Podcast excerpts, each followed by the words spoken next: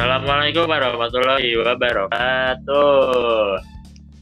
Waalaikumsalam. Waalaikumsalam warahmatullahi wabarakatuh. Ya kembali lagi kita di podcast Cak Bero. Catatan kuliah Iqbal Sutanto dan Yana Fima Dirio. Bersama siapa? Nah, sekarang kita sama bintang tamu dari kampusku nih. Wih, Eh, ya langsung saja yuk kita kenalkan. Monggo Mbak. Halo semuanya, assalamualaikum. Waalaikumsalam. Oke, halo semuanya. Selam untuk seluruh pendengar. Apa ini nama podcastnya Cak Bero ya? Ya, Iya. Halo semua para pendengar podcast Cak Bero di mana pun kalian berada. Perkenalkan, aku Ajeng dari Universitas Brawijaya, jurusan Ilmu Ekonomi, program studi Ekonomi Pembangunan, asal dari Sidoarjo. Jadi sekarang pembahasan kali ini adalah eh, menjadi aktivis sosial dan serba-serbinya ketika kuliah nih. Karena ini apa banyak pengalaman dan banyak berkecimpung juga di dunia sosial ya, terutama di ketika kuliah nih. Enggak lah, enggak masih lebih banyak Karyo, masih lebih banyak Karyo lah. Saya masih perlu banyak belajar. Eh, nah, pertama-tama ini udah berapa lama Jeng berkecimpung dalam dunia kegiatan sosial ketika kuliah? Berarti cerita ya ini ya? Ya, bisa Iya, cerita, bisa aja sih. Berbagi pengalaman aja sih. Hmm, berbagai pengalaman Bapak. sekiranya kalau sudah aku ceritakan berarti tidak ini ya maksudnya pertanyaannya sesuai sama yang aku ceritakan aja nggak apa-apa Oke, nggak harus santai. oke santai ya oke untuk ceritaku sendiri ya pengalaman aku berada di dunia sosial itu semuanya bermulai ketika aku semester aku sekarang semester berapa sih semester aku ya Mancing-mancing, Sekitar Mas. semester- Buka buka aib kita Mas Rio. Ada, bisa-bisanya. Ya Nah, aku tuh ikut dunia sosial itu semuanya bermulai ketika aku ikut BEM fakultas di ekonomi ya, Fakultas Ekonomi dan Bisnis di kampusku, di kampusnya Kak Rio juga. UB itu eh, waktu aku semester 2. Nah, itu kan saat aku ikut di BEM itu sebenarnya nggak terlalu diniatkan untuk bakal masuk di sosial masyarakat. Karena saat itu pilihan pertama aku itu kalau kalian tahu ya kalau kalian daftar di organisasi itu biasanya kan pasti ada pilihan departemennya pilihan depart itu waktu itu tuh pertama itu aku pilihnya tuh humas bukan sosial masyarakat. Alhamdulillah masuknya di sosial masyarakat. Dari situ semuanya berawal dari ketidaksengajaan akhirnya tahu nih dunia sosial itu seperti apa nih. Itu semuanya berawal dari aku ikut bem itu tadi bem fakultas. Nah dari situ berarti kalau dari semester 2 sampai sekarang pun aku juga masih ikut dunia sosial ya dunia sosial. Cuman di tempat yang di tempat yang berbeda. Kalau se- waktu aku semester 2 sampai semester 3 itu aku di BEM fakultas. Selanjutnya itu sampai sekarang aku di uh, organisasi kerohanian Islam di Universitas Brawijaya. Itu departemennya juga berkecimpung di sosial masyarakat. Oh, Woi, keren keren keren. nah, berarti dari semester 3 sampai sekarang tuh Erohi Universitas itu di bidang terus ya dari 3 itu, Jeng. iya benar. Iya dari itu. Dari sebenarnya tuh aku BEM sama di kerohanian itu kan barengan kan sama-sama. Aku ikut dua-duanya dan kebetulan itu dimasukin dua-duanya tuh di, di sosial masyarakat. Tapi untuk waktu semester 3 itu aku terlalu fokusnya di ini fokusnya di BEM dulu. Setelah di BEM itu baru di kerohaniannya tapi itu tetap di sosial masyarakat Oh begitu, ya ya. Makanya pantas kayak pas semester 3 kan ya berarti aku di semester 5 ya. Itu nggak pernah ketemu apa aja nggak oh iya benar kak. Fun fact nih fun fact guys. Fun fact. Aku sama kak dia tuh satu organisasi kerohanian tapi aku baru tahu ada kak Rio. Itu saat kita ini ya kak ya? Saat tahun 2019 Iya. Eh berapa 18 19 kalau salah. BTW Ajeng di kerohanian mana sih? Tingkat universitas ya? Iya itu pusatnya kak Iya iya. pusatnya kerohanian Kalau di Unesa tuh kalau di Unesa tuh ya? namanya UKKI. KKI. oh KKI iya iya iya Aku kira sih di fakultasnya juga sih. Kalau- feeling. Kok tahu sih kak? Gimana? Tahu? Ya tau lah, Kok kan tahu punya teman Mas Rio. Waduh. Ada Mas Robi namanya Jeng kalau misalnya kenal Iya iya aku tahu kan. nah itu temennya nah, Iqbal nah jadi sebelumnya kita udah kenal tuh gimana. Jadi aku kan sama Ajeng tuh uh, sebenarnya kita udah dari sebelumnya ke Semarang gitu kan. Sebelum ke Padang. Habis itu ketemu sama Iqbal nih. Akhirnya ya kita bisa kenal gitu. Dan sama-sama Jawa Timur juga. Jadi apa Jadi pas ketemu Mbak Ajeng, itu kesama apa ya? Jadi nyangkanya angkatan 16 gitu. Eh ternyata Mas lebih Iqbal? muda. Nyeselnya manggil Mbak gitu. Enggak, Mas Iqbal masih ingat aku dah. Ya masih lah. ada ada Enggak lah, bercanda. Bercanda. Oh iya, Jadi dia salah orang. emang suka suka banget ya sama dunia sosial ya Mbak Ajeng. Kalau suka atau enggaknya sih sebenarnya bukan tentang suka atau enggak sih, tapi lebih kepada tempat eh, sosial masyarakat itu adalah tempat di mana aku merasa apa ya? Kayak bermanfaat gitu loh. Hmm. kan kalau kita melakukan suatu kebaikan eh, suatu kebaikan ya insya Allah ini adalah sesuatu yang kebaikan sesuatu yang baik di mana di situ akan ada rasa puas di situ nah aku tuh kayak merasa ada rasa puas ketika aku berada di dunia sosial masyarakat gitu. jadi lebih Jadi emang punya jiwa itu ya pengabdian ya. iya mungkin ya nah kalau kalau Mas Iqbal sendiri gimana nih Hmm, kalau dari aku sendiri sih jujur, aku nggak sekeren kalian yang suka berkecimpung langsung di dunia sosial. Tapi aku lebih fokusnya di organisasinya sih. Terus kalau misal ke sosialnya mungkin relawan hanya beberapa aja. Terus kayak misalkan kayak COVID itu pun kecil lah di desa ya tergabung di desa-desa sini. Terus ke itu kayak kelompok belajar anak kecil gitu. Jadi di lingkungan kampus kan ada tuh ya di ngajar di situ sama teman-teman rohis juga gitu. berarti Mas Jadi emang nggak nggak nggak langsung ke misalkan ke relawan kayak Mas Rio itu ya kayak bagi-bagi sembako terus masker dan sebagainya itu enggak sih. hmm, Eh sempat dulu kan pernah cerita sama Mas Rio.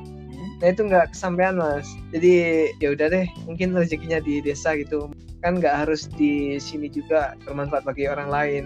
Ada ja- ada banyak jalan kok gitu sih.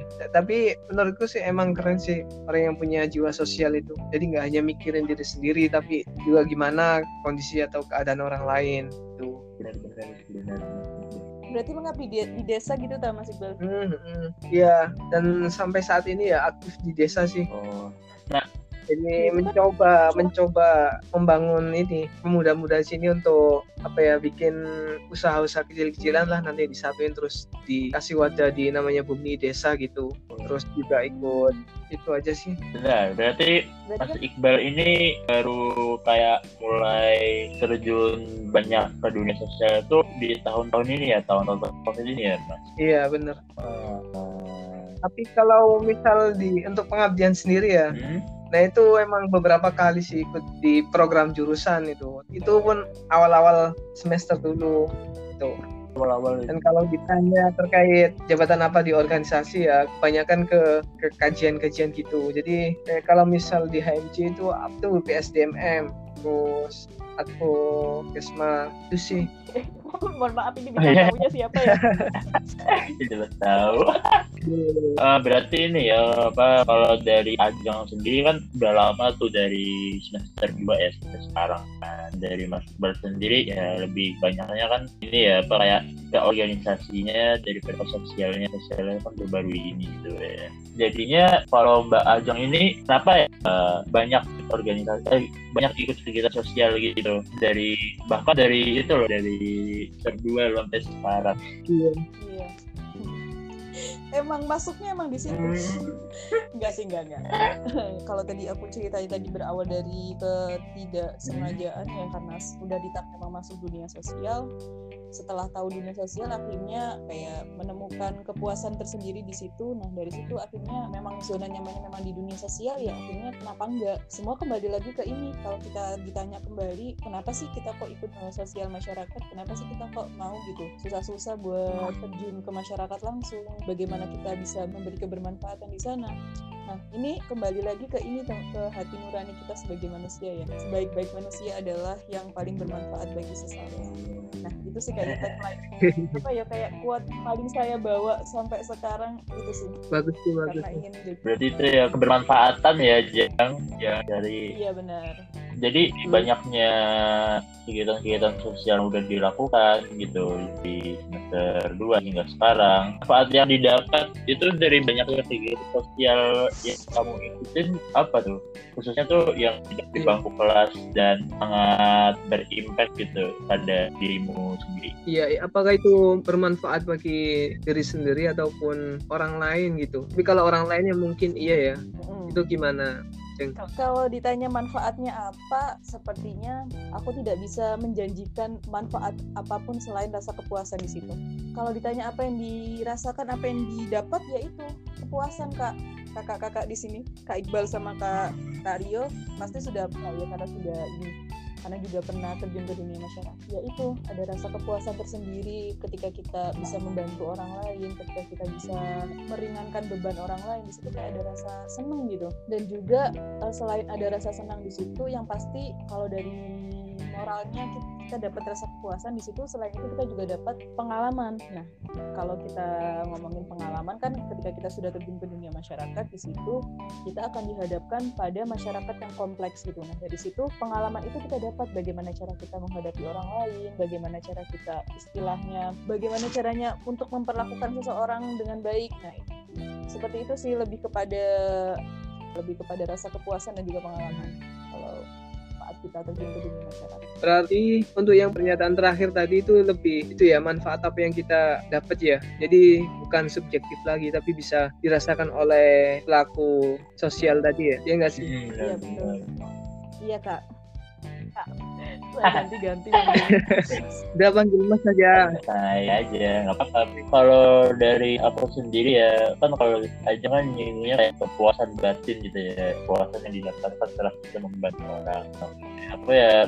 Hmm. juga tapi ada satu lagi. Kalau aku tuh lebih kayak ini sih bagaimana pengaruh kita ke terhadap masyarakat. Jadi kayak gini loh, misalnya ya kuliah, habis itu uh, pas udah kayak terjun ke lapangan gitu, biasanya nggak tahu ya, maaf ya dalam tanda kutip orang-orang yang kayak udah expert gitu, kayak udah yang ahli lapangan gitu, lihat yang kuliah kayak uh, oh ini anak masih sekolah jadi kayak masih belum tahu apa kalau misalnya di Malang kayak gitu ya apa yang aku rasain tuh kayak gitu pas tindakan terjun langsung jadi kayak ini kita tuh ya walaupun kuliah tapi walaupun sekolah tapi ngerti juga lapangan tuh kayak apa gitu.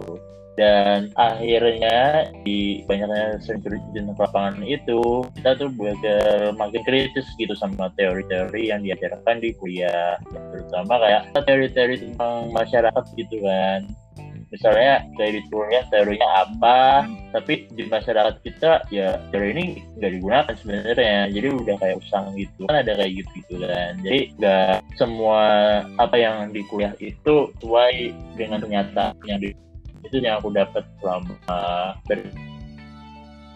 kalau misalnya teori ini teori sosial kan yang kayak crowd control bagaimana cara untuk mengumpulkan orang kan ada banyak tuh teorinya. Tapi giliran diaplikasiin ke masyarakat ya nggak segampang itu nggak segampang teori gitu. Misalnya kayak apa ya?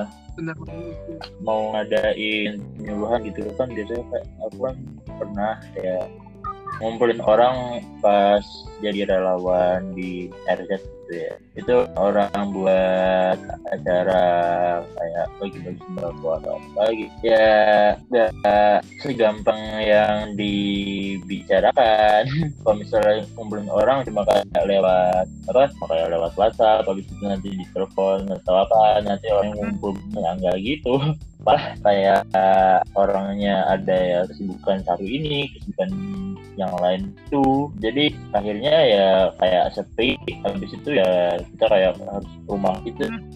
Jadinya kayak lebih banyak belajar lagi untuk di lapangan terutama menghadapi berbagai macam permasalahannya. Seperti yang Ajeng bilang tadi kan konflik-konflik atau permasalahan kompleks yang ada di masyarakat itu nggak semuanya bisa diselesaikan di dalam kelas gitu kan Iya, bener banget sih Mas Rio. Jadi kita bisa menyesuaikan diri yang namanya tekstual yang kita dapat di bangku perkuliahan ataupun di tempat belajar lainnya dengan kontekstual yang ada di masyarakat yang sesungguhnya. Jadi contoh hal kecil pun bila kita ketika kita berada di lingkungan organisasi kerohanian ya mungkin di situlah tempat orang-orang baik karena wadahnya itu baik.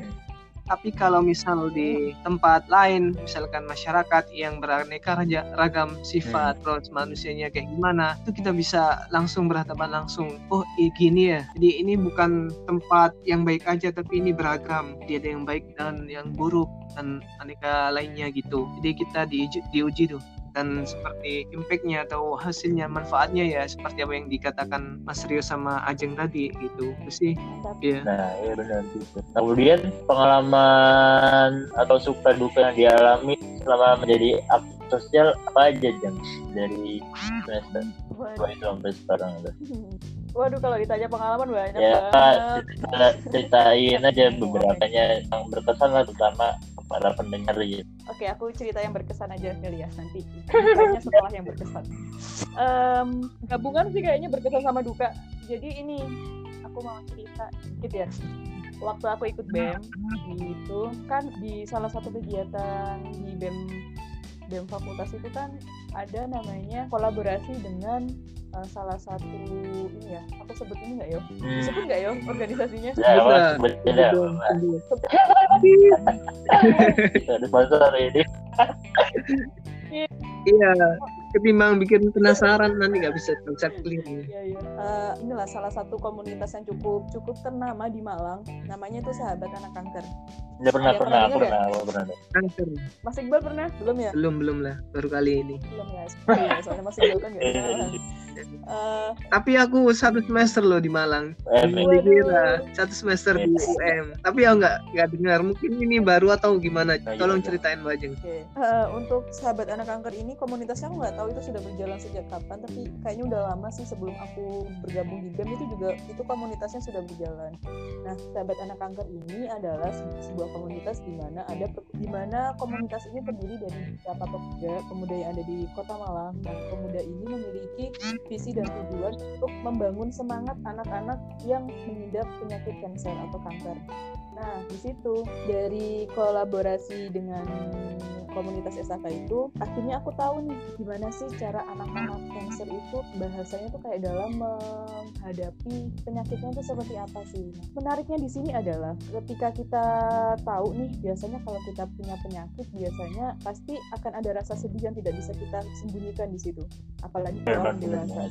Sakit gigi aja udah dikasih tugas kuliah. Aja sahabat ya ya Allah nah menariknya di sini adalah yang sangat yang cukup membuat aku terkesan adalah anak-anak di sini anak-anak yang mengidap penyakit kanker itu seakan tidak menunjukkan rasa sakitnya mereka. Mereka tuh kayak hidup layaknya anak-anak sehat pada umumnya. Jadi aku sangat kagum sih sama mereka ketika mereka berusaha untuk tidak menunjukkan rasa sakit mereka tidak menunjukkan rasa sedih mereka mereka seperti sebagai itu. Yang menjadi sebuah tamparan tersendiri buat aku. Kenapa? Ketika aku ketika kita semua ya ketika kita ketika kita semua sudah diberi banyak kenikmatan dan banyak kelebihan oleh Tuhan. Kenapa kita masih saja sering mengeluh? Masih saja sering mengeluh. Termasuk aku sendiri juga aku merasa juga masih masih banyak banget masih sering mengeluh. Dari situ kayak ada tamparan tersendiri sih bagi aku lihat anak-anak yang istilahnya diberi ujian sebesar itu ya Allah. Dan teman-teman menariknya lain di anak-anak cancer ini. Yang membuat mereka sedih itu bukan karena penyakit mereka, tapi yang membuat mereka sedih itu adalah ketika ada teman mereka yang lebih dulu meninggalkan mereka. Nah, paham nggak tuh? Iya ngerti.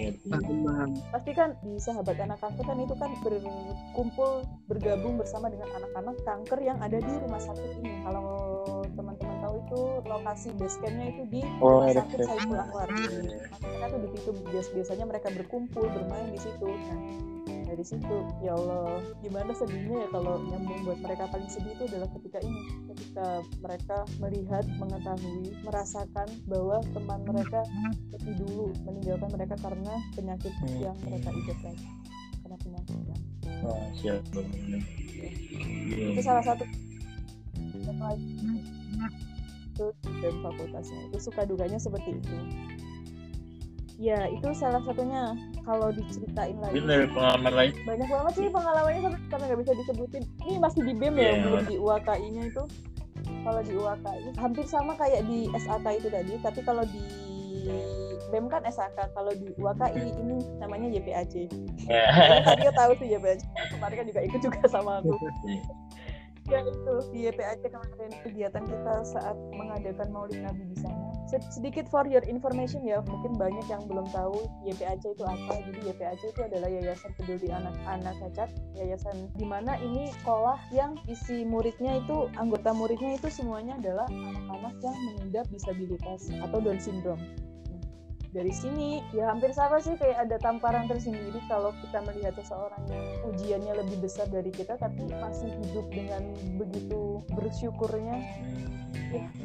Seperti itulah kayak ada tamparan tersendiri sih. Iya, keren keren sih. ya masih banyak lagi sih di desa binaan juga. Dari Indonesia Binaan gimana tuh yang Indonesia Binaan gimana? Aduh, lagi guys. Ini lucu banget. Gak lucu sih Ya gimana tuh yang di Binaan? Eh, kalau di fun fact-nya ini lokasi desa binaan agak jauh kan ya Ya, jadi gimana aja tentang fun fact di Binaan itu? oke iya. Nah, bukan fun fact juga sih, kayak mungkin sesuatu yang kena banget gitu, nggak kena banget. Ya pokoknya itulah. Jadi untuk program sosial di UAKI itu eh, di Departemen Rumah Amal Brawijaya yang itu tuh ada salah satu program kerjanya namanya Desa Binaan. Nah untuk program kerja Desa Binaan ini hampir sama kayak yang mungkin yang teman-teman udah ketahui ya. Kita mengabdi di desa terus kita kayak melakukan kegiatan di sana mungkin seperti mengajar terus ada sosialisasi dan lain sebagainya. Nah kalau yang di UAKI sendiri itu kita untuk kegiatan desa binaan ini kegiatannya rutin setiap minggu sekali setiap hari minggu. Eh setiap hari minggu setiap hari sabtu. Kita ke desa kita ngajar anak-anak SD di sana Nah, sesuatu yang menjadi menarik di sini adalah kan kita mengajarnya kan anak-anak SD dari kelas 1 sampai kelas 5 ya. Kelas 5 ya? Enam, Iya kan? Kak Rio Ya, kelas 5 ya? lima, lima, lima, iya lima. Iya sama kelas 5 ya. Nah, ini nih jenjang pendidikannya itu anak-anaknya itu kalau beda kelas kan berarti kan karakternya kan kayak udah beda-beda. Nah, kalau itu kan anak-anaknya kan tinggalnya kan di di desa bisa dikatakan kayak desa terbelakang gitu mas. Desa ter masih dalam kondisi desa yang tertinggal. Nah, berarti untuk uh, pola pikir terus perilaku anak-anak di sana pasti berbeda dengan anak-anak yang tinggal di tempat kita saat ini yang bisa kita katakan kota kota yang apa ya kayak kota yang serba serba ada. Serba ada. Anak-anak di sana mungkin hampir ini sih mungkin kalau kita lihat mungkin hampir sama anak-anak di sekolah pada umumnya. Ada yang tadi disebut kayak ada anak-anak yang superior terus ada kita tidak bisa mengkiri di situ ada namanya masih anak kecil suka berantem terus ada bully-bully kayak gitu. Nah oh ya kayak apa ya pikirannya tuh kayak dewasa banget gitu loh padahal mereka tuh justru yang pikirannya dewasa dewasa itu anak-anak yang usianya tuh yang kelas jenjang kelasnya tuh masih kelas 2, kelas 3 Ih ya Allah aku tuh masih kayak nggak habis pikir gitu loh ternyata meski Benar. Berarti ini ya, apa maksudnya pikirannya tuh udah mengarah ke hal yang senonoh gitu ya maksudnya. Oh. lebih, lebih Oh. Hmm, nah itu tuh ya unik juga. ya. Iya, karena kita tahu pikiran anak-anak di situ tuh kayak sudah sampai ke jenjang itu. Mungkin ada beberapa kali ya, bukan beberapa kali sih kayak adik-adik di sana tuh kayak memperlakukan kita yang kakak-kakak yang terutama yang cewek itu kayak apa ya? Pokoknya kita harus hati-hati gitu loh. Istilahnya tuh kayak Kayak digodain gitu ya. Di aku takut salah dikenitin gitu. di- Dikenitin, genit. bukan, bukan digenitin sih kak kayak lebih kepada perlak- perlakuan verbal gitu loh Hmm, paham nggak ini bahasanya Iya paham. Nah itu yang cukup apa ya cukup sedikit mengkhawatirkan kita dan itu masih menjadi PR kita gitu sampai sekarang. Karena untuk meru- merubah moral anak-anak itu butuh butuh proses yang panjang butuh dukungan juga dari segala segmentasi baik itu sekolah orang tua teman-teman. Nah dan kita sadar di situ mungkin lingkungan sekolahnya dan juga dari lingkungan rumahnya kurang begitu mendukung untuk perilaku moral mereka agar bisa menjadi lebih baik. Tapi uh, bagaimanapun juga di mana bagaimanapun juga pasti ya kalau di sekolah kalau di pembelajaran secara formalnya juga tetap diajarkan etika yang baik. Cuman ya mungkin karena masih anak-anak yang masih belum mengerti mana yang baik dan mana yang benar semua yang mereka rekam mereka lihat itu terapkan. Tidak peduli itu baik atau buruk. Itu sih kayak menjadi permasalahan kita di des di desa itu terutama untuk pendidikannya itu merubah moral anak-anaknya. Itu termasuk ini ya berarti kayak pengalaman menariknya ya dari kayak ketemu sama sahabat kanker YPAC sampai ngajar. Nah itu kan kayak iya, pengalaman kesan yang bisa dibilang kayak menyenangkan gitu kan walaupun ada yang agak mengkhawatirkan sedikit. Nah, kalau pengalaman yang menyedihkannya gimana? Pengalaman dukanya deh selama berkegiatan sosial Pengalaman dukanya sih ini sih. Kembali lagi ke desa binaan. Pengalaman sedihnya itu ini perjuangannya, aduh perjuangannya. Ini kan desanya kan jauh dari kota Malang ya. Meskipun itu cuma di kota Batu tapi untuk perjalanannya bisa dikatakan cukup jauh gitu. Kita harus melewati medan yang itu harus melewati dua gunung naik turun itu kan agak agak cukup menantang ya. Nah apa ya mungkin kalau tantangannya dukanya itu ini kali ya. Setiap kita ke desa binaan itu pulangnya pasti hujan. Pasti inget banget. Inget banget soalnya kan kalau di pegunungan kan emang rawan hujan kan. Terutama itu kalau udah memasuki bulan Oktober ke atas itu sampai Desember itu hujan terus jadi setiap kita pulang itu mesti kita kehujanan. Terus kayak suhunya di sana juga dingin banget sampai berkabut di sana itu waktu kita perjalanan. Terus dukanya lagi kalau buat aku sendiri aku tuh kan tipe kal orangnya ini malah membicarakan kekurangan ya. Aku tuh tipe kal orangnya kan susah banget buat bangun pagi nih susah banget buat bangun pagi aku tuh sering banget kalau ke desa binaan itu pasti ditinggal soalnya aku tuh bangunnya kesiangan ya itu alias itu duka. Sampai-sampai ini ya? Itu. Sampai teman-teman yang perempuan tuh udah tahu misalnya aja nggak ada berarti lagi tidur gitu ya? Iya pasti aku bangunnya kesiangan wah parah banget. Sampai itu pernah kak aku tuh pakai motornya ah Muhajir ya kamu Hajir Kamu... itu motornya aku tabrak itu itu duka ya itu duka ya. Aku nggak sengaja nabrakin motornya ah Muhajir kamu Muhajir ini siapa? Kamu Muhajir ini siapa? Kan pendengar nggak tahu nih kamu Muhajir ini siapa? Jadi Ah Muhajir ini Kak Muhajir itu adalah ketua departemen departemen sosial masyarakat yang aku ikutin itu di oh, oh. Pinjam tapi nggak tadi relawan dari luar gitu. Enggak ya? Relawan akunya kak. Enggak maksudnya ada keterlibatan dari komunitas di luar kampus. Hmm kalau keterlibatan komunitas di luar sih tadi ya kak ya yang waktu sama GPAC sama terus sama sahabat anak kanker tapi oh. kalau untuk desa sendiri kita kemarin tidak berkolaborasi sama komunitas luar sih tapi kita ada open relawan. Jadi relawannya itu kita kita buka itu untuk khusus mahasiswa Barawijaya tapi tidak tidak harus dari WKI itu jadi kayak open relawan sih kak dan komunitas. Selain di desa binaan ada lagi nggak pengalaman dukanya yang masih berkesan gitu? Selama ajang ikut kegiatan sosial kan dari semester dua semester tujuh ini uh, apa ya? Ini kali ya? Ini banyak banget. Uh, galang dana sih. Hmm. galang dana. Nah kalau sesuatu yang menyenangkannya adalah kan ini kan uh, kegiatan galang ini bukan UKI kak. Jadi ini beda lagi. Beda beda organisasi lagi. Ini organisasi yang diprakarsai sama anak-anak mahasiswa bidik misi nah, nah ini nih kan anggotanya organi organisasi ini kan banyak nih. Banyak banget. Berapa sih? Sekitar di atas 60-an lah ya. Nah tapi untuk kegiatan galang dana ini yang bersedia turun ke jalan langsung itu kalau nggak salah tuh bisa dihitung sampai apa bisa dihitung sama jari kali ya. Berapa orang ya? Satu dua tiga empat lima mungkin ada lima atau enam Aduh. doang di antara seluruh anggota yang bisa turun jalan. Itu cuma orang itu doang itu termasuk waduh waduh. Aduh nah itu turun itu turun jalan langsung. Jalan dana ke area CFD Malang itu selama beberapa hari ya? Beberapa hari? Galang dana kita ngumpul nah setelah kita itu kita menyalurkan langsung ke lokasinya. Kalau nggak salah itu di mana? ya di salah satu daerah Trenggalek ya kalau nggak salah. Itu waktu bencana banjir. Hmm. nah bencana banjir. Nah di situ menarik nggak ya? Kayaknya tuh nggak aku tidak bisa mengatakan itu sesuatu yang menarik sih tapi itu kayak sesuatu yang berkesan gitu. Karena untuk pertama kalinya menyalurkan donasinya langsung ke lokasi bencananya kan Iya. selama ini kita eh, melakukan donasi dan galang dana kan kita selalu sebagai pihak ketiganya. Nah ini kita langsung menjadi pihak pertama yang menyalurkan langsung ke lokasi bencananya Oh. itu sih oke.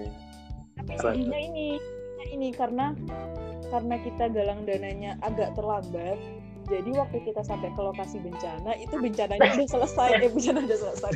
Udah selesai. Maksudnya kayak oh ya sudah sudah apa kayak sudah barang-barangnya donasi donasinya tuh kayak sudah tersalurkan semua gitu loh. Udah tersalurkan ke korban bencana. Jadi donasi yang kita kumpulkan ke mereka itu agak sedikit terlambat. Hmm. itu sih. Tapi nggak apa-apa. Salurkan akhirnya alhamdulillah. Iya, iya. Tapi kalau ngelihat cerita dari Ajeng Hmm. tadi ya, Mm-mm. ada nggak sih ada satu sosok dari tim itu yang menjadi penyemangat terus ya misalkan ayo re ayo re kita semangat ini untuk atau jangan-jangan nih Ajeng sendiri ya yang jadi kayak promotor penggeraknya teman-teman untuk terjun langsung. Kak Rio sebagai penyemangat ya Iya. Iya, aku. Iya kan Kak Rio kan sebagai salah satu tim yang sama juga sama aku kan di salah satu di RAB Hmm. jadi salah satu. Kalau ditanya siapa yang memotivasi ya pasti dari teman-teman timnya Kak, dari kadepnya, dari kamu hadir tadi, terus dari sekdemnya juga Kak Suki, terus dari BEM dulu ada kadepku juga dari Kak Gio, terus kadipku ada Kak Azmi, jadi motivasi terbesarku terus bergerak di dunia sosial masyarakat yaitu tadi orang-orang yang sebagai apa ya istilahnya itu kayak atasan ya bukan atasan sih Promotor. Partner apa bukan bukan bukan promotor kayak apa ya Figur apa pemimpin. Kayak. Leader, jadi. Leadernya itu mereka yang mampu menggerakkan teman-teman dari anggotanya lainnya sehingga aku juga ikut tergerak aku yang merasa tergerak ini juga berusaha untuk merangkul teman-teman yang lainnya merangkul teman tim-tim yang lainnya. Kayak Kak Rio berusaha untuk juga mengajak aku dalam kegiatan sosial yang sama dan lain sebagainya Hmm. Oh jadi kalian ini pernah satu itu ya satu komunitas. Organisasi. iya kan, Kan pas Gimana? di obrolan sebelumnya kan pernah dibilangin sama Ajeng sendiri, Mas Iqbal. Oh iya iya. Oke, oke, oke. Wah, Kak Iqbal gak lupa guys Enggak, soalnya tanya itu memang rada, rada nggak jelas gitu. Apa sinyalnya? Ya Maaf ya. san, san. Ah, ini ada San. fakta menarik ya sebenarnya untuk sosok yang Hmm? menjadi penggerak itu kadang malah Ajengnya sendiri loh Mas Bal jadi penggerak di kegiatan sosial itu contohnya ya yang atau organisasi sama Ajeng itu jadi di desa Binan itu pernah tuh kondisinya udah udah kayak mau pasrah aja gitu dari kadernya dari kadernya itu ah, jadi itu habis itu eh, dari sekretnya juga Suci itu kayak ini apa mau ngerumusin apa sih kayak RPP lah atau misalnya kayak teknis tulisan gitu nah itu bingung gitu gara-gara. PJ-nya itu menghilang apa gimana sih Jer? ini buka buka buka ini ya kayak buka aib departemen. Nggak jadi Aduh. pas itu ya tuh eh, jadi ya kayak gitu pak kayak ini mana bingung kan pada bingung gitu bingung gitu. Nah aku jadi batin juga. Nah aku kayak aku nggak tahu apa apa gitu kan. Terus habis itu langsung ya coba aja bantu gitu. Nah aja lah masuk di forum gitu. Dia langsung udah apa ini kayak ini kayak gini aja nggak apa-apa kalau nggak sempurna ya udah apa tetap jalan aja jalan ini. Jadi Ajeng yang nyemangatin teman-teman di sana bisa bergerak lagi gitu. Apa kadang-kadang juga Ajeng walaupun dia ya memang telat tapi di program so- sosial yang bisa dibilang itu bisa dibilang tuh Ajeng juga jadi penggeraknya itu pro itu aktivitas sosial. Nah, gitu emang bener lah berjelas ini ya Jadi emang iya. Tapi emang harus ada penyemangat ya di suatu kegiatan gitu. Jadi kalau nggak ada gitu, kayak nggak ada Ini gimana udah ada gitu. bidangnya Kak. Nyakit malas. Iya, udah ada bidangnya masing-masing sih Kak Iqbal. Jadi kalau aku tuh memang uh, di PJ utamakannya itu memang di desa binaan. Kalau Kak Rio itu di bakti sosialnya. Jadi ya apa ya kita saling inilah kita satu tim itu saling ini saling membantu, saling melengkapi, eh, saling melengkapi. Saling support. Saling apa ya? Saling saling iya saling saling support. Mm-mm. kerjasama Tim tim ya Seriously. sebesar besar apa pun jiwa sosial kita Kak, tapi kalau nggak ada peran tim itu wah kita bukan apa-apa. Ya, buat sebanyak Wih, catet tuh, catet. Bisa jadi tagline itu. Iya, tagline podcast kita. Nah, kalau eh, dari Mas Iqbal. Mungkin ada pengalaman yang bisa dibagikan kepada para pendengar seperti selanjutnya di kegiatan sosial selama ini. Kembali lagi ya, seperti yang sebelumnya aku kasih tahu kalian juga. Emang nggak seberapa banyak sih, cuman beberapa kali aja yang pertama itu di semester 1 ya itu pengabdian di jurusan emang kita di gimana ya nggak nggak ngebina sih cuman beberapa minggu gitu beberapa pekan kita ditaruh di desa ya namanya di desa di Jombang itu namanya. Apa ya desa Paga atau gimana pokoknya pelosok banget gitu. Di kayak di perbukitan ya antara dua gunung gitu. Itu emang taruh di situ jadi ya hampir sama sih apa yang dijelaskan Pak Ajeng tadi. Tapi kalau untuk kayak perkataan terus tingkah laku yang tidak senonoh tadi ya kayak verbal emang nggak ada ya. Tapi emang mereka cukup bahagia dengan kehadiran teman-teman terus ngebantu kayak welcome banget gitu. Wih. sampai pulang-pulang itu dikasih apa ya dikasih oleh-oleh gitu ya. Jadi hasil kebun mereka gitu. Terus untuk galang dananya sendiri sih emang beberapa kali apa beberapa kali ikut. Cuman oh ya, setelah ada teguran dari pemkot Surabaya kayak galang dana gitu ya ke turun ke jalan. Itu kayak sempat dilarang akhirnya ya kayak kita kesulitan di situ. Jadi teman-teman mahasiswa Surabaya itu banyak yang nggak pakai galang dana di turun ke jalan tapi lewat media online gitu di disebarin gitu. Itu aja sih. Emang kalau misal terjun ke dunia sosial terus ngebantu masyarakat emang lebihnya itu gimana ya kayak nggak bisa dibayar gitu. Dia kayak Hmm. plong di hati ya ada Betul, kebahagiaan ada khusus kebahagiaan ya. Nah, lebih oh, dari walaupun- sekedar materi walaupun ini ya walaupun sedikit tapi bermakna ya.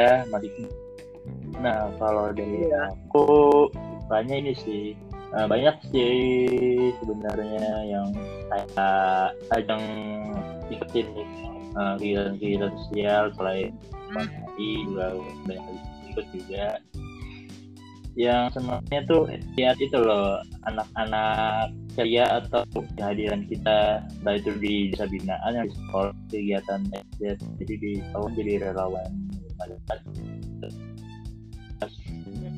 bulan-bulan puasa itu kan kita kayak ada pembagian sembako itu dan eh, anak-anak yang di RZ itu sendiri tapi dibina untuk kayak TPA-nya gitu sama pendidikan Al-Qurannya. Nah di situ tuh lihat tingkah laku mereka ya natural banget gitu. Seneng ya seneng kalau marah sama temennya ya marah gitu. Itu kayak bikin aku ya khususnya secara pribadi itu ngerasa lebih hidup lagi gitu. Jadi keidealisan hidup yang dibentuk di kuliah itu seakan-akan ya hilang gitu. Jadi kayak ada lepas bebannya gitu ngeliat mereka main-main dan tawa gitu dan sebagainya. Nah itu eh, salah satunya yang bikin senang. Dan juga di sekolah itu juga ya memang sama.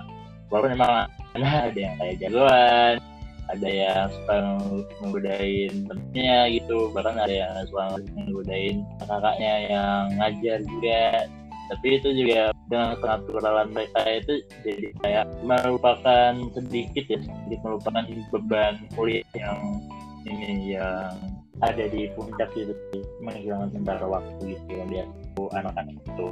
Kemudian bisa bisa berarti itu berarti loh, aku pernah. Tuh pas zaman sekolah ini sebenarnya. Jadi di relawan LZ lagi itu ngebagiin kayak ya semacam pangan gitu sembako pangan jalanan nah kerja jalanannya ini ya bisa dibilang kayak apa ya, itu pedagang jam keliling gitu ya kalau covid di bulan Maret April salah bulan April. April itu ketika menerima bantuan dari kita dari sampai gemetar tangannya itu kayak aku baru pertama kali ngalamin apa kayak bisa sampai segini ya orang sampai terharu dan menangis gitu. Dan itu ada kayak perasaan beraduk sih antara dia antara bahagia antara dan itulah jadinya yang seperti Mas Iqbal Ajeng bilang kepuasan batin dari membantu orang itu jadi ada dan merasa kalau kita tuh berarti gitu loh di masyarakat dan kita bermanfaatan diri kita bagi masyarakat itu kemudian kegiatan orang disabilitas ya terutama yang di itu sama apa kayak yang Ajang bilang sebenarnya aku dengan hmm. bisa ngelihat ya kayak terjun langsung gitu ya. Interaksi langsung lah bisa dibilang orang-orang disabilitas ya. Itu membuat perspektif baru gitu dalam cara pandangku gitu. Membuat baru itu maksudnya jadi buat perspektif baru. Ini kayak teman-teman permainanku kayak dari kecil gitu. Itu kan bisa orang-orang semua permainan itu itu kan kayak ya orang-orang sehat gitu maksudnya orang sehat nggak ada mengalami terlepas khusus gitu kan. Nah, terus habis itu dengan bertemu orang-orang yang istimewa ini, nah itu kayak membuka cara pandang baru dan memiliki sisi lain gitu. Ternyata ada loh orang kayak gini dan mereka tuh sebenarnya punya kemampuan lain yang digali itu akan sederajat kemampuannya dengan orang-orang yang sehat yang normal itu. Jadi itu sih yang bikin berkesan dari kegiatan-kegiatan sosial yang aku ikutin selama ini. Ya dan sebenarnya juga masih banyak lagi sih. Cuma ya untuk yang paling berkesan yang dirasakan selama hidup aku itu kayak gitu. Kalau untuk dukanya tuh ya kayak Mas Iqbal itu ya diusir pas lagi galang dana. Nah itu diusirnya kayak on the spot gitu. Jadi ini diusirnya di CFD Malang. Itu itu lagi galang dana organisasi apa sama Ajang ya UMKI bareng ini bareng organisasi filantropi ACC Aksi Cepat Tanggap nah itu kita udah nyiapin ini ya. Biasanya kalau misalnya galang dana tinggal ke tempat CFD habis itu langsung cariin alat-alatnya cariin masanya habis itu langsung apa mulai kayak entah itu mau orasi mau apa sambil keliling-keliling di CFD itu untuk minta donasi gitu kan. Nah ini baru ngapi gitu langsung didatangi satpol pp langsung disuruh dia bisa mas itu di dia boleh jalan gitu nah ya udah akhirnya kan batal gitu. Ya itu sih kak. Nggak tahu gitu loh. Mana ya rasanya apa kalau di CFD kan ya kan gimana ya rasanya? Jadi di CFD dilihat banyak orang tahu diusir sama Satpol PP itu kan apa? Ada malu ya. Nah, Iya, sempat kejar-kejaran nggak? Uh, nah ini ini, nah ini sini nih. Jadi kejar-kejaran. Ini, uh, ada pengalaman setelah itu kayak kita mau jalan dana lagi. Oh, rencana apa ya? Pokoknya pas itu pas zaman zaman Indonesia tuh bencana berturut-turut gitu tahun kemarin pas kemarin. Nah kan karena nggak boleh jalan dana di CFD jadinya kita kayak ini uh, inisiatif gang dananya tuh dari tempat lain selain CFD tapi yang masih itu masih banyak lah orangnya. Nah salah satunya di alun-alun kota Malang. Nah di alun-alun kota Malang. Ini aku jadi bagi dua tim gitu ya. Aku sama Tuko dan temanku yang lain itu sama lagi ada empat orang ya dua dua itu nah aku uh, pas di alun itu untuk minta donasi gitu itu bisa. Tapi nggak nyampe ke tengah alun-alun ya. Kalau ada kayak tengahnya tempat duduk gitu nah itu nggak nyampe sana. Lu cuma kayak di pinggir-pinggir alun-alun gitu aja. Nah tapi di pinggirnya itu kayak masuk masuk dalam alun-alunnya tapi di pinggir gitu. Ada orang jalan ya diminta donasi gitu. Nah itu aku masih aman. Ya karena alhamdulillah. Nah temanku yang ini. Nah temanku ini disamper atau dibilang dibilangin mohon maaf nggak bisa minta sumbangan di sini. Aku ya aku ya heran dulu gitu. Oh iya, itu apa emang itu ya nggak ngantongin surat atau bagaimana? Biasanya sih disuruh Nah. urus surat dulu ke pemprov kalau untuk CFD Kalau itu emang harus surat kesehatan gitu. emang harus ada izin dari Pemkot gitu ngurus surat-surat itu jadi apa kayak di Surabaya kan kegiatan galang dana bentuknya apa pun itu harus ada surat izin terutama ketika diselenggarakan di Car Free Day itu nah di Kota Malang juga kayak gitu. Nah, yang kata pas ACT itu itu baru kayak baru tahu gitu teman-teman. Oh sudah ada kayak kayak gitu ya kan biasanya tinggal langsung. Nah nah setelah apa yang kayak yang sampai kawan itu emang gak ada waktu buat ngurus gitu kita kita karena sibuk kuliah juga kan dan kuliah juga ada lain. Nah ini mau galang dana ke CFD habis itu ngurus itu ngurusnya empat. Soalnya kayak biasanya di, di organisasi aku sama Ajeng itu kalau misalnya mau galang dana gitu kayak nggak seminggu sebelumnya dikasih tahu tapi kayak tiga hari empat hari gitu tuh nah itu kan maksudnya mepet tuh dari CFD ke pertama kali dikasih tahu mau galang dana. Bahkan bisa sampai satu atau dua hari sebelumnya doang gitu. Nah itu gak gak sempet kan ngurus surat. Ya udah ya ya cari aja tempat lain gitu. Dari cari aja tempat lain untuk yang dananya gitu nah jadi ya itu sih pengalaman dari aku sama bertiga ya. Ada lagi sih kayak nyasar.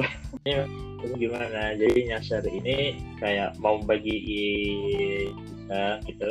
Nah itu tuh alamatnya udah dikasih tahu dan ini di pas aku ini sih di RZ ini kejadiannya. Itu udah dikasih tahu cuma nggak ada di Google Maps gitu udah kan nah baru kayak pertama kali gitu pas untuk ke daerah mana jadi biasanya kan dari Google Maps. Dan apa yang ditunjuk jadi PJ gitu kan.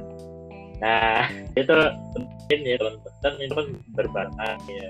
Nah teman-teman pakai motor kan aku pakai motor teman-teman ngikutin. Nah akunya kayak lah bukannya ke sini ya temanku ya di tempat belah gitu. Nah aku kayak hah kita?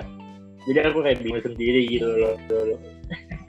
jadi ya udah deh akhirnya kayak sering muter-muter gitu pas sudah agak dekat muter nyari itunya nyari tempat untuk pembagian bingkisannya atau titik kumpulnya.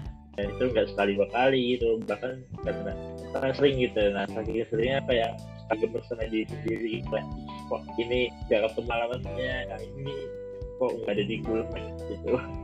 Nah gitu nah di situ kayak apa ya bisa dibilang kerja sendiri gitu. Ngerti kan? Kerja. Iya sih emang Kayak- berat sih kak. jadi kayak kayak teman-teman ya. Nah, kan ini teman-teman itu kan kayak masih ada kebanyakan kuliah kan gitu di kampus maupun di luar kampus itu ya.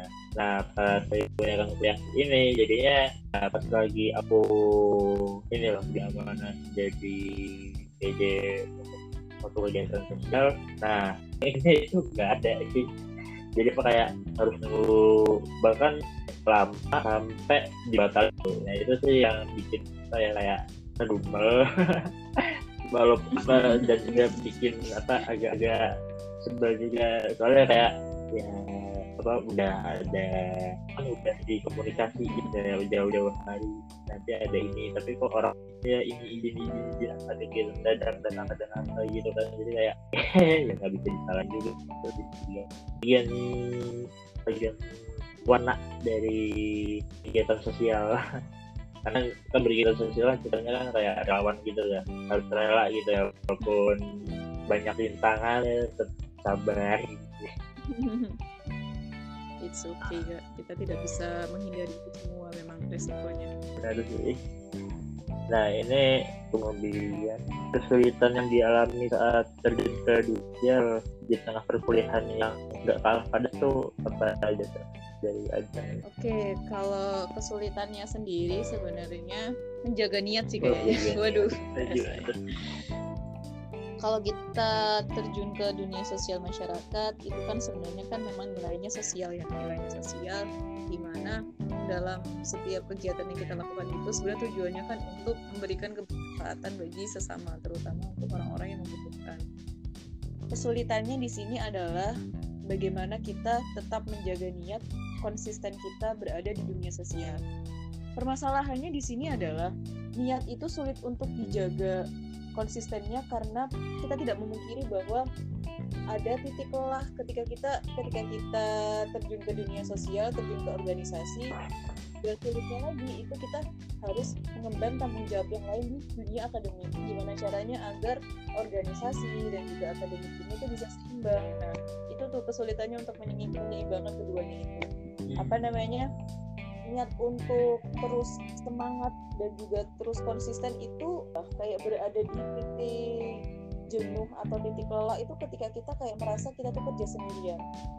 Nah ketika pasti ada kayak ada rasa di mana aku tuh kayak merasa wah kerjaannya tuh kayak berat gitu. Kayak kita tuh kayak kerja sendiri teman-teman ini pada ke mana nih?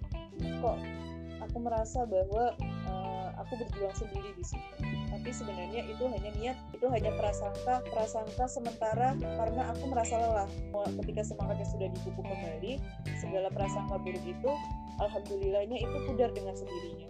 Nah, ya itu sih kayak untuk terus konsisten menjaga niat dan juga untuk menyeimbangkan antara dunia akademik dan organisasi mungkin itu kesulitannya kak dari aku sendiri ya apa dua belas Cuma kalau aku mungkin perbedaannya sih ya. Uh, kesulitan itu di antara jadwal kuliah yang padat.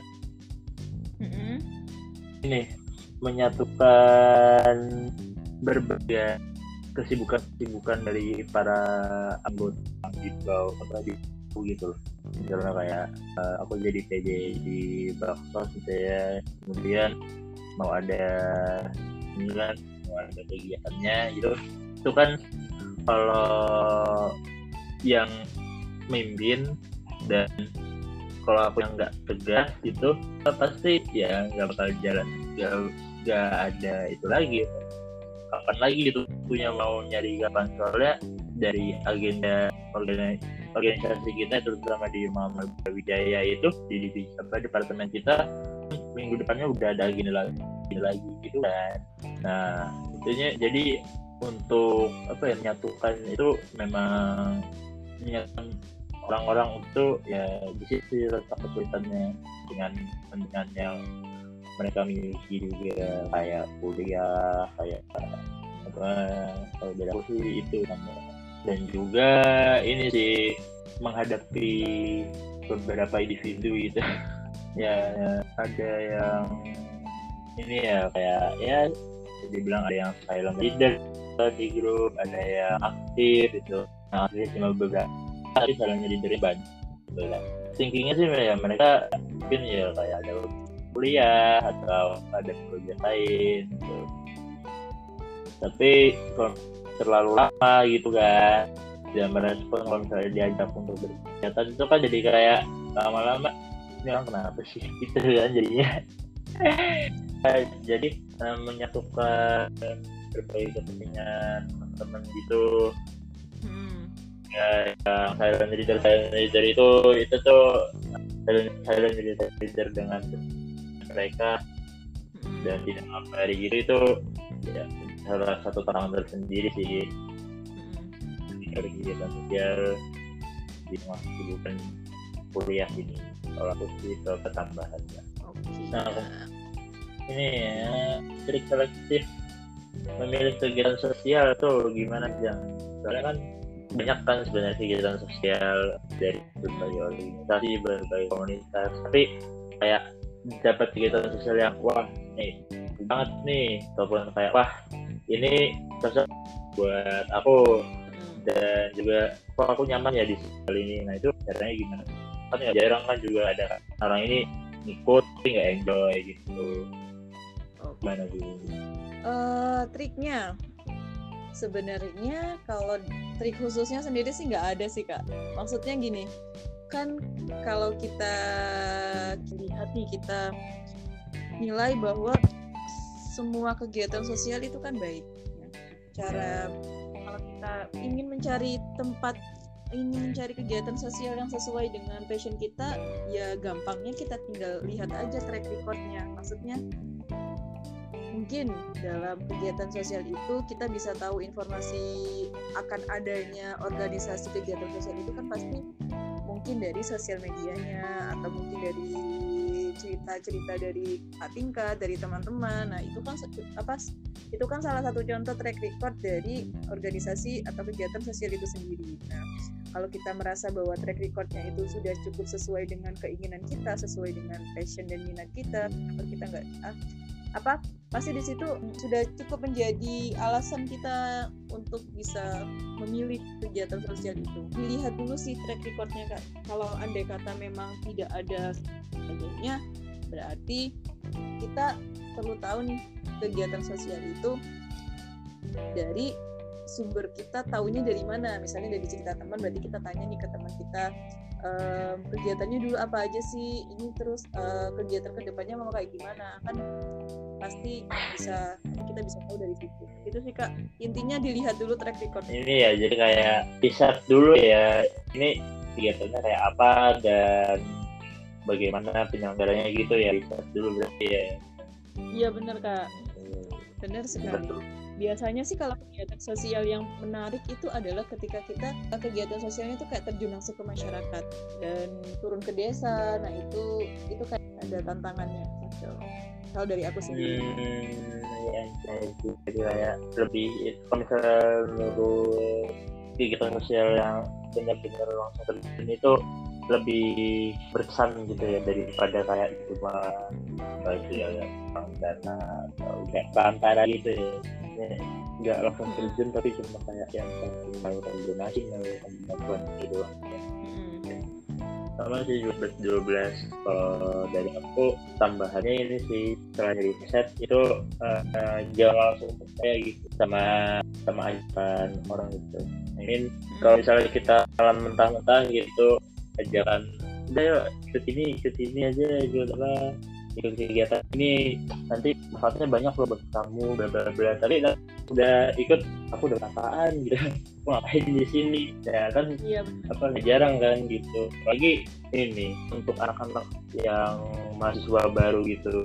Ya kan mereka kayak masih baru di kampus juga kan. Jadi kayak belum ngerti uh, tipikal-tipikal orangnya itu kayak gimana tipikal-tipikal organisasinya kayak apa gitu kan. Nah itu jadi kayak sasaran apa yeah. mereka. Jadi lebih baik dipikirkan dulu lah. Ya sama kayak ajeng bilang tadi riset dulu lah untuk menemukan kegiatan yang kegiatan sosial yang pas untuk ini teman-teman nah ini alhamdulillah ya kita udah nyampe di pung podcast ini nah seru sih barang aja dan pembahasan artifisial ini saya Mas Iqbal udah meninggalkan duluan karena ada acara ya. Parah banget dia nggak pamit. Aduh, aduh, aduh. aduh, aduh. Ya.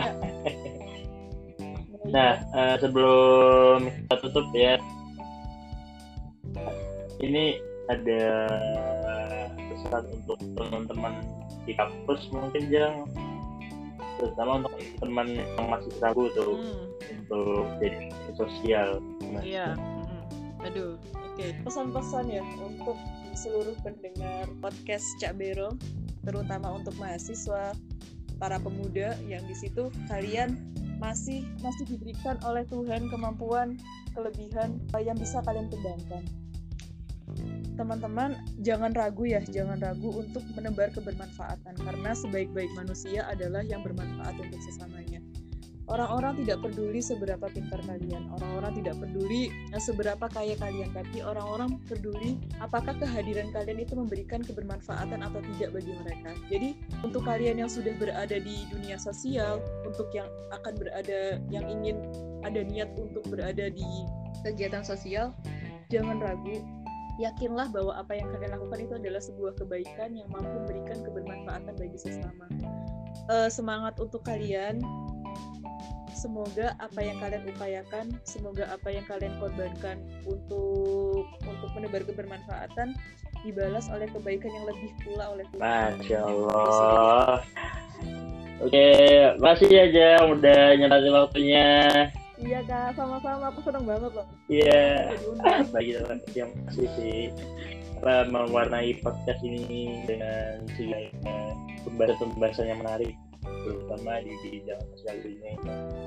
Ya untuk para pendengar tetap dengarkan terus podcast Cak Bero ini podcast yang mengupas segala sisi kegiatan mahasiswa menurut perspektif Nabi Mahdiyo dan Iqbal Hutanto dua orang mahasiswa dan menawarkan berbagai macam pengalaman yang telah mereka lewatkan bersama para bintang tamunya. Lakukan terus dan Waduh. jangan menonton keseruannya. Terima kasih untuk semuanya. Assalamualaikum warahmatullahi wabarakatuh. Waalaikumsalam warahmatullahi wabarakatuh. Dadah. Terima kasih semuanya.